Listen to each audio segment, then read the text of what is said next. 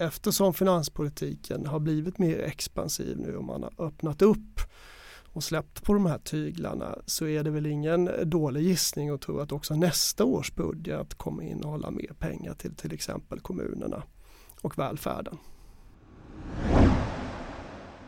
Du lyssnar på Samhällsekonomiska podden med mig Simon Winge. Idag ska vi prata om finanspolitik. Show me the money. Så hur går en finansiell kris till? 400 000 euro motsvarar ungefär i svenska kronor 40 000 miljarder kronor. Det är lätt att vara populist och stå och lova mycket hit och dit. Men eh, du ska få ihop en budget. Många kommuner i Sverige har fått sämre ekonomi. Det går bra för Sverige just nu. Absolut det mest beska pillret som finns i januariavtalet. We are going to follow the money. Hej och välkomna till Samhällsekonomiska podden som leds av mig Simon Winge, chefsekonom på Akademikerförbundet SSR. Vår gäst idag är chefekonom på Swedbank. Välkommen hit Andreas Wallström. Tack så hemskt mycket, kul att vara här. Vi såg senast i en panel i fjol, eh, på den tiden man fortfarande stod i paneler framför mm. massor av folk. Eh, och ett budskap du hade då var att finanspolitiken skulle bli mer expansiv. Det här var alltså 2019 Eh, Eh, och du använder ord som låna och investera, vilket många kanske är ovana att höra från en bankekonom. Vill du berätta mer varför du relativt tidigt har velat se, eller ganska länge och ganska tidigt har sett, velat se en mer expansiv finanspolitik? Ja, det stämmer. Det var ju faktiskt, eh, det går flera år tillbaks i tiden eh, som jag har försökt argumentera för det här då. Och, Ja, det finns många skäl men det kanske allra viktigaste skälet är att om man tittar liksom i omvärlden vad som händer uh, så tycker jag två viktiga trender där att ta fasta på och som är viktiga också för svensk ekonomi. Dels det låga ränteläget som det blir allt tydligare att det här får stanna. Uh, den andra viktiga punkten är att andra länder i väst verkligen ökar sina skulder och Sverige sticker ut med en väldigt, väldigt låg statsskuld. Mm.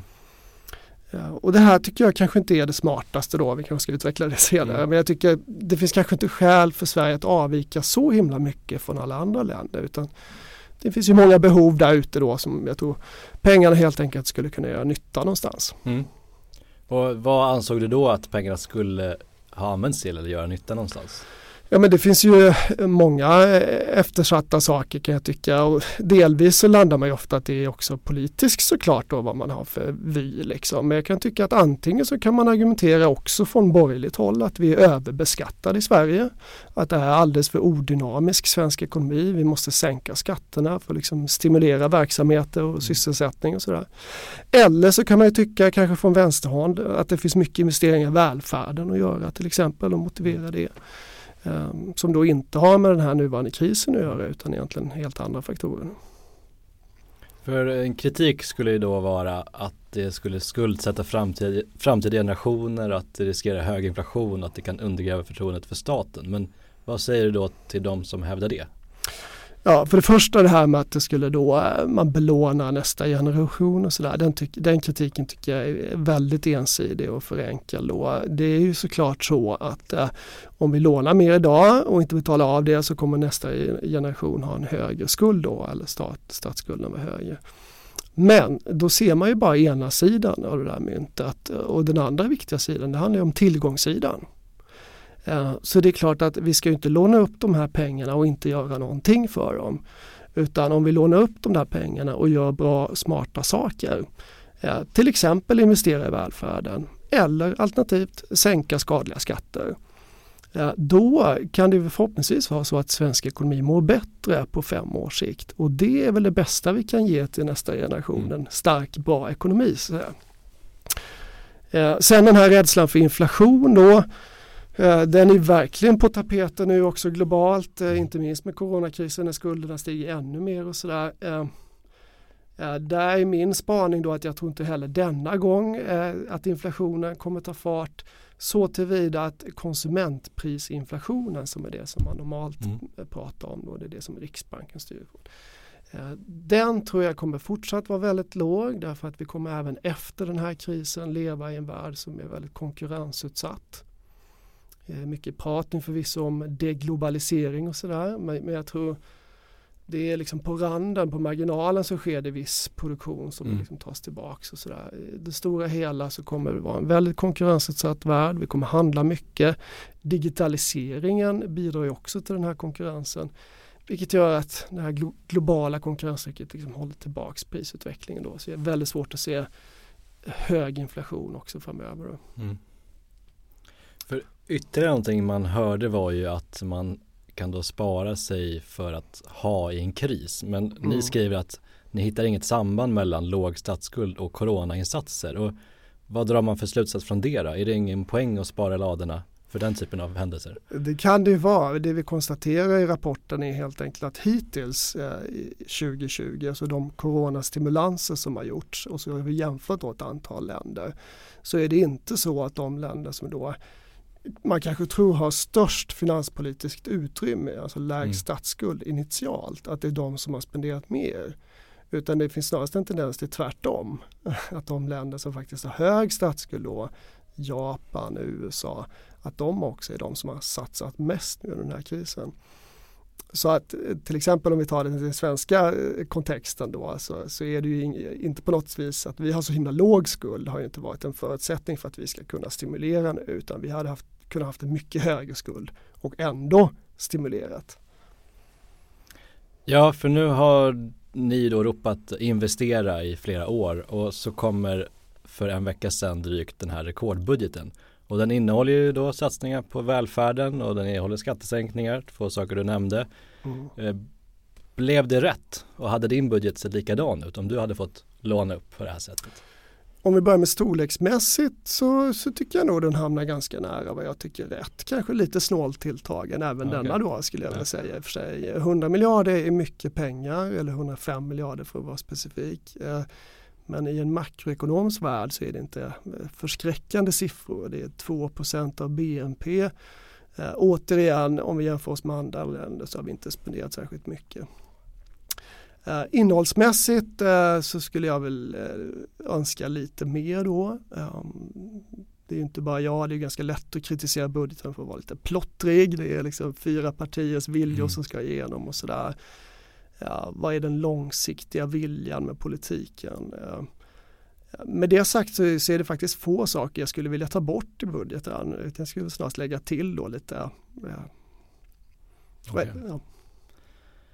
Eh, för du, du skrev också någonstans att det går ändå för mycket kanske till att stötta konsumtionen men för lite för just den här långsiktiga omställningen. Är, är det en korrekt tolkning? Ja, alltså ofta så tänker man sig att finanspolitiken ska stötta konjunkturen, ekonomin, fungera som en stabilisator då.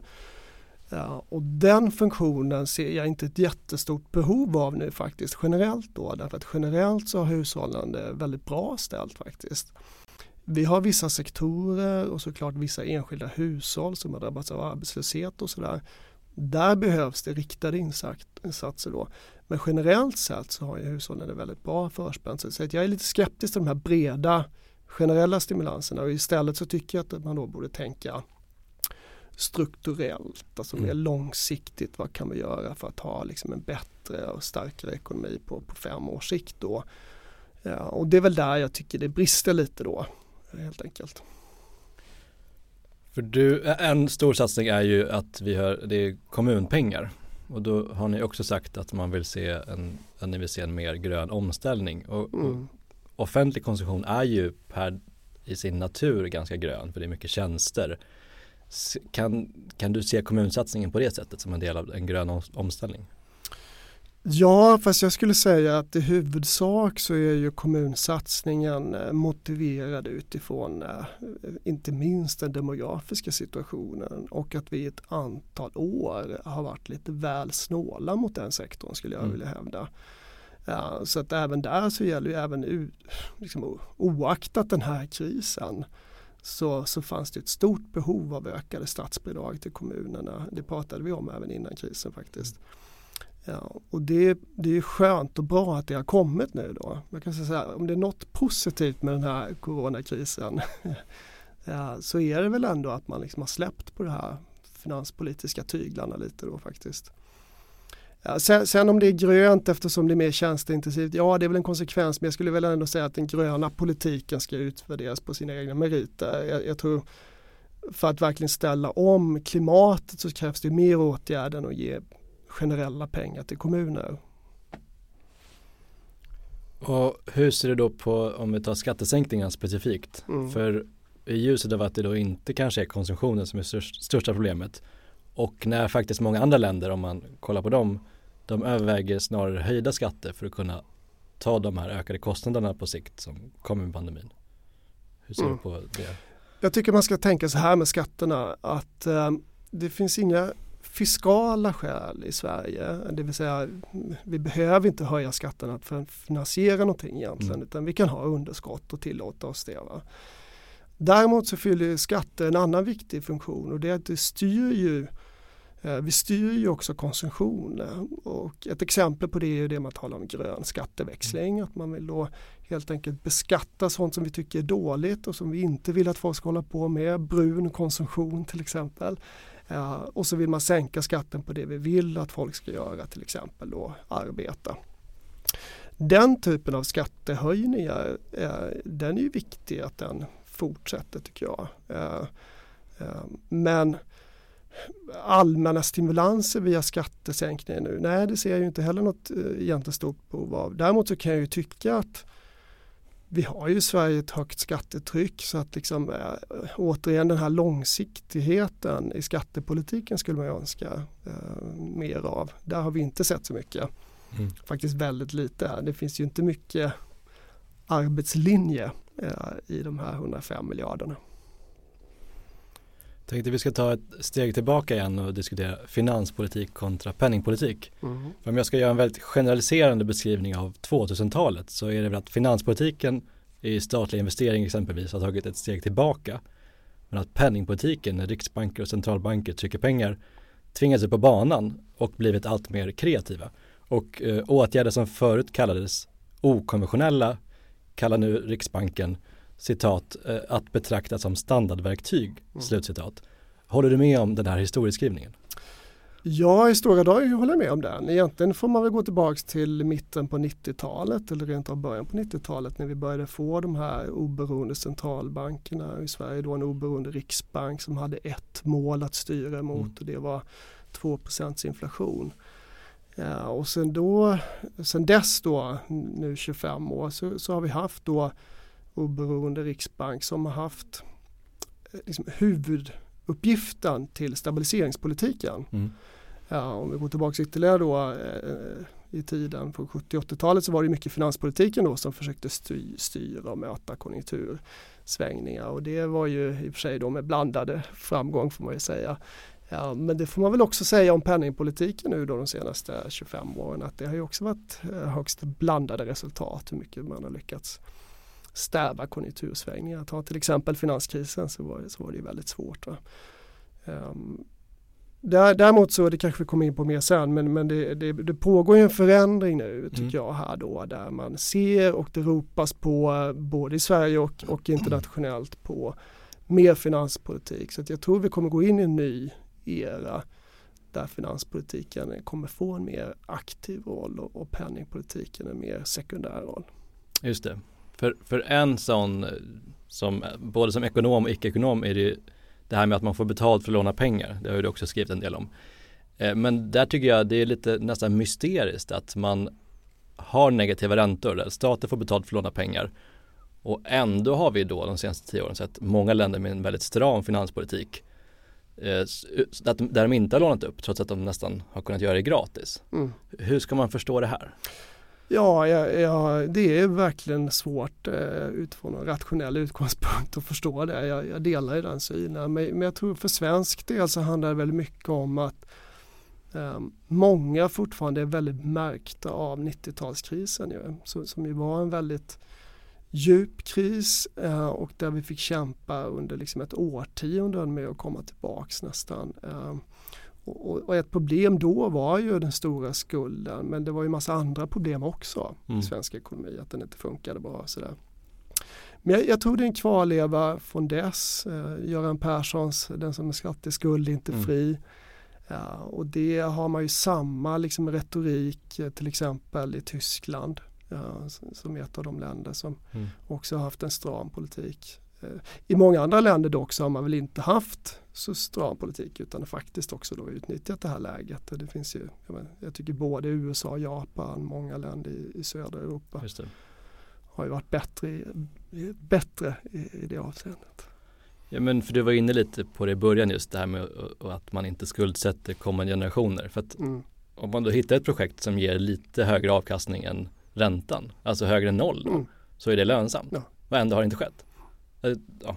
Nej det är, det är svårt. Eh, och eh, som sagt, det är väl en av de få positiva sakerna med den här krisen att vi faktiskt nu har släppt på de där tyglarna. Och, det finns ju väldigt mycket man skulle kunna göra och, och, och, den här just att vi skulle belåna då kommande generationer. Ta, ta frågan om klimatet. Mm. Ja, säg att det fanns, säg att Sverige skulle satsa 200 miljarder på någonting som, som löste eh, mm den globala klimatfrågan. Vi kanske liksom investerar någonting så helt plötsligt så exporterar vi någon grön teknik som alla tyckte var fantastisk och så, så hjälpte det till åtminstone att nå de globala klimatmålen. Att då vi belånar oss för 200 miljarder, det måste ju verkligen vara det lilla för vår nästa generation. De skulle ju verkligen tacka oss. Med sånt. Det är ju så uppenbart exempel på varför det är bra att eh, i, vissa avseenden då åtminstone låna. Sen är det såklart och det är väl det jag kan hoppas på att vi kommer prata med nu. Vad gör vi för pengarna? För det är såklart fortfarande viktigt. Vi ska ju inte låna upp pengar och kasta dem omkring oss även om vi får låna till minusränta eller noll. För det finns alltid en alternativkostnad. Man mm. kan ju faktiskt använda pengarna till något produktivt. Och då ska vi försöka göra det. Eh, precis, och Riksbanken aviserade ganska nyligen nu att de ska gå in att även kunna köpa företagsobligationer. Och det här skulle ju då sänka räntan på företagslån men det ligger ju snubblande nära att faktiskt ge pengar direkt till företag, vilket man skulle kalla finanspolitik. Så att mm. håller den här gränsen på att suddas ut?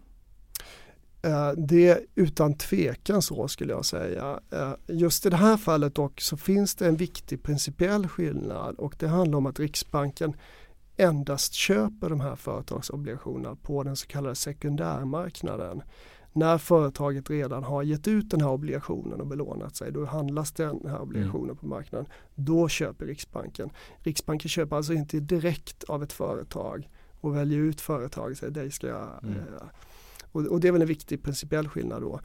Men med det sagt så, så, så den här liksom tudelade och, väldigt tydliga rollfördelningen att penningpolitiken har haft det stabiliseringspolitiska ansvaret och finanspolitiken snarast har fokuserat på strukturella saker, fördelningspolitik. Den håller på att luckras upp och det är klart att i den här nya spännande världen då med höga statsskulder som på något vis blir allt mer då beroende av låga räntor får mm. man ju också säga. Det blir väldigt, med de här stora balansräkningarna åtminstone globalt då så är det ju såklart en ökad risk och endast små räntehöjningar kan ju få stora konsekvenser. Så det är klart att det är svårt att se att centralbanker kommer tillåtas att, att faktiskt höja, kunna höja så mycket. Så att det blir på något vis ett, ett samspel här mellan finans och penningpolitik som är mer tydligt än tidigare tror jag. Så en förutsättning för mm. att finanspolitiken ska kunna men hur lätt är det samspelet då med tanke på att centralbanker ofta är liksom opolitiskt valda och på armslängds avstånd? Hur lätt är det? Mm, nej det är ju, det tycker jag är det svåra.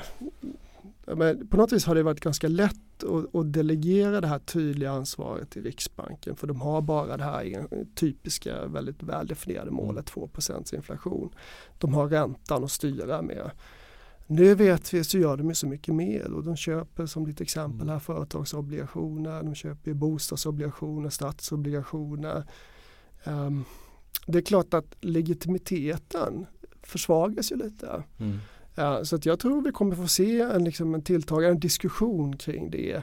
Uh, ska verkligen penningpolitiken vara oberoende också formellt? Uh, där är vi inte riktigt än. Men, men däremot så tror jag i praktiken så börjar man redan nu närma sig ett, ett eh, beroende. För de skrev här nyligen i en eh, debattartikel att citat centralbanker behöver ta på sig risker som marknaden inte är villiga att ta. Slutcitat. Eh, jag tycker att det här är ett spännande uttalande. Är det okontroversiellt anser du? Uh, fascinerande nog så är det verkligen ett typiskt centralbanksuttalande nu för de senaste, mm. egentligen sedan finanskrisen för 12 år sedan. Eh, men eh, Eh, det är ju verkligen inget okontroversiellt uttalande såklart. Eh, och det finns ju många som pekar på problemen med till exempel det som vi ekonomer kallar moral hazard. Att det helt enkelt eh, ehm, det här vem tar risken? Är det, inte ett, är det inte ett farligt samhälle där ingen egentligen behöver ta nedsidan och risken för olika investeringar? Och vi kan gå tillbaka till oss som hushåll om jag ska köpa aktier eller inte. Ja, det verkar ju, de är ganska högt värderade nu men eh, vi vet ju att så fort det går ner mycket då kommer den amerikanska centralbanken vara där och stötta och hjälpa upp. Så, så nedsidan är ju redan nästan begränsad va, faktiskt.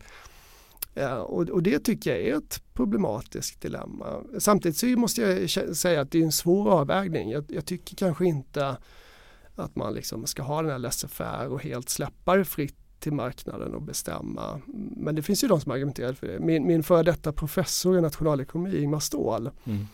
eh, han ifrågasatte ju överhuvudtaget centralbankens funktion och tyckte att de behövdes ju inte egentligen utan det här kan ju marknaden fixa det finns kredittagare och kreditgivare och så hittar de varandra och, och det sätts en ränta. Så, men det är en ganska extremistisk hållning. De flesta ser nog eh, faktiskt betydelsen av centralbankirer som det här lender of last resort och upprätta finansiell stabilitet.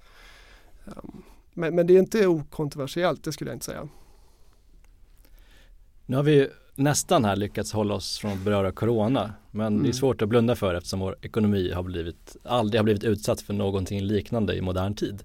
Och nu verkar vi kanske gå in i en andra våg i delar av Europa i alla fall. Mm. Eh, exportmarknad som vi är väldigt beroende av. Men ni sticker ut hakan lite grann och säger att eh, botten är nådd. Men om du tittar lite mer i spåkulan, hur ser det ut egentligen? Och kan man säga mer än så? Mm, ja, det, man kan ju försöka spekulera åtminstone.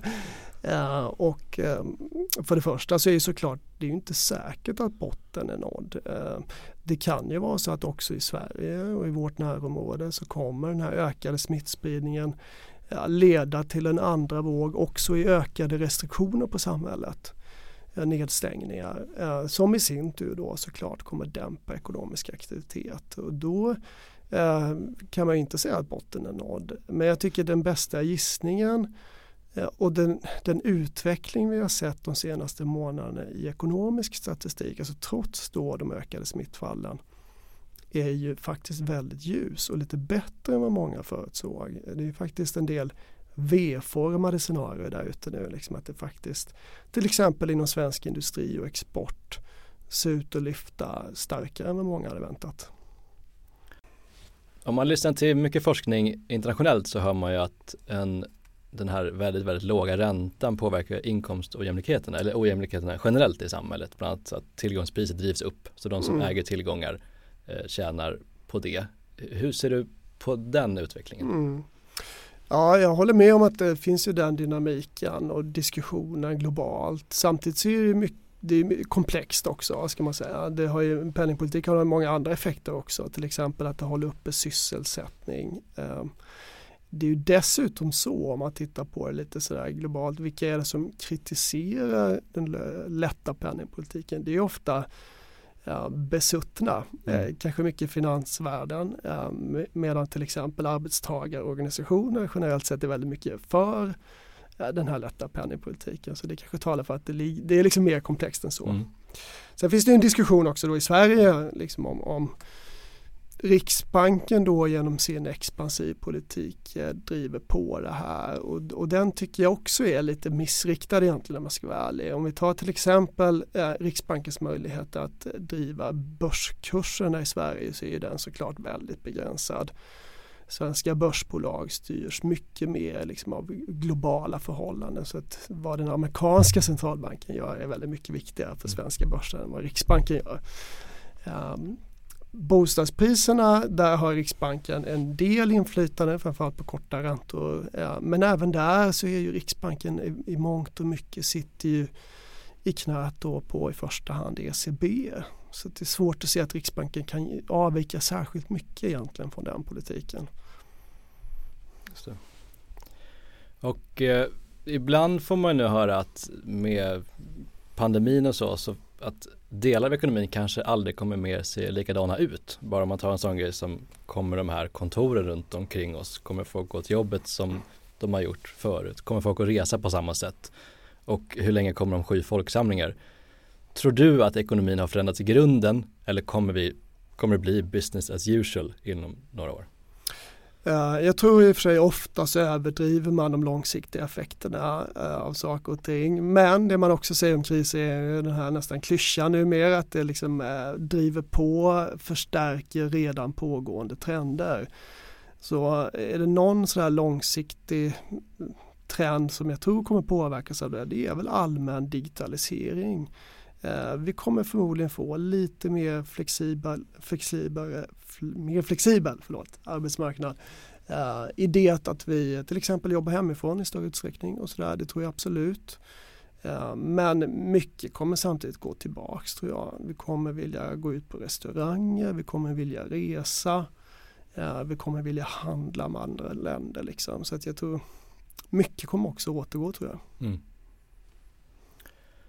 Då tror jag vi har hunnit med de flesta stora frågorna men jag har en, en liten egen oro här och mm. det är, vi har ju väldigt många medlemmar i välfärdssektorn som är offentligt finansierad och, och där tänker jag personligen att det kommer märkas, den här krisen kommer märkas med en viss fördröjning. För att skatteintäkterna, de vek ju inte nu för att äh, permitteringar och så gjorde att kommunerna ändå hade pengar och de fick dessutom jättemycket pengar med den här budgeten. Mm. Men det här kommer ju, båda de här kommer ju vika på sikt enligt många prognoser och då har man redan börjat höra tal om nollbudgetar och till och med kanske explicit nedskärningar på stora grupper. Håller du med om den här oron? Eh, jag är mindre oroad för det här idag än vad jag var för ett år sedan eh, i och för sig. Då. Ehm, jag tror dessutom om man ser till det här med permitteringarna som du nämnde som ju kommer minska nu. Eh, de, tanken med det är ju i och för sig då att skatteintäkterna kommer öka då i samma takt och det är klart att när ekonomin återhämtar sig så kommer ju skatteintäkterna också öka. Eh, men sen tror jag dessutom att eh, eftersom finanspolitiken har blivit mer expansiv nu och man har öppnat upp och släppt på de här tyglarna så är det väl ingen dålig gissning att tro att också nästa års budget kommer innehålla mer pengar till till exempel kommunerna och välfärden.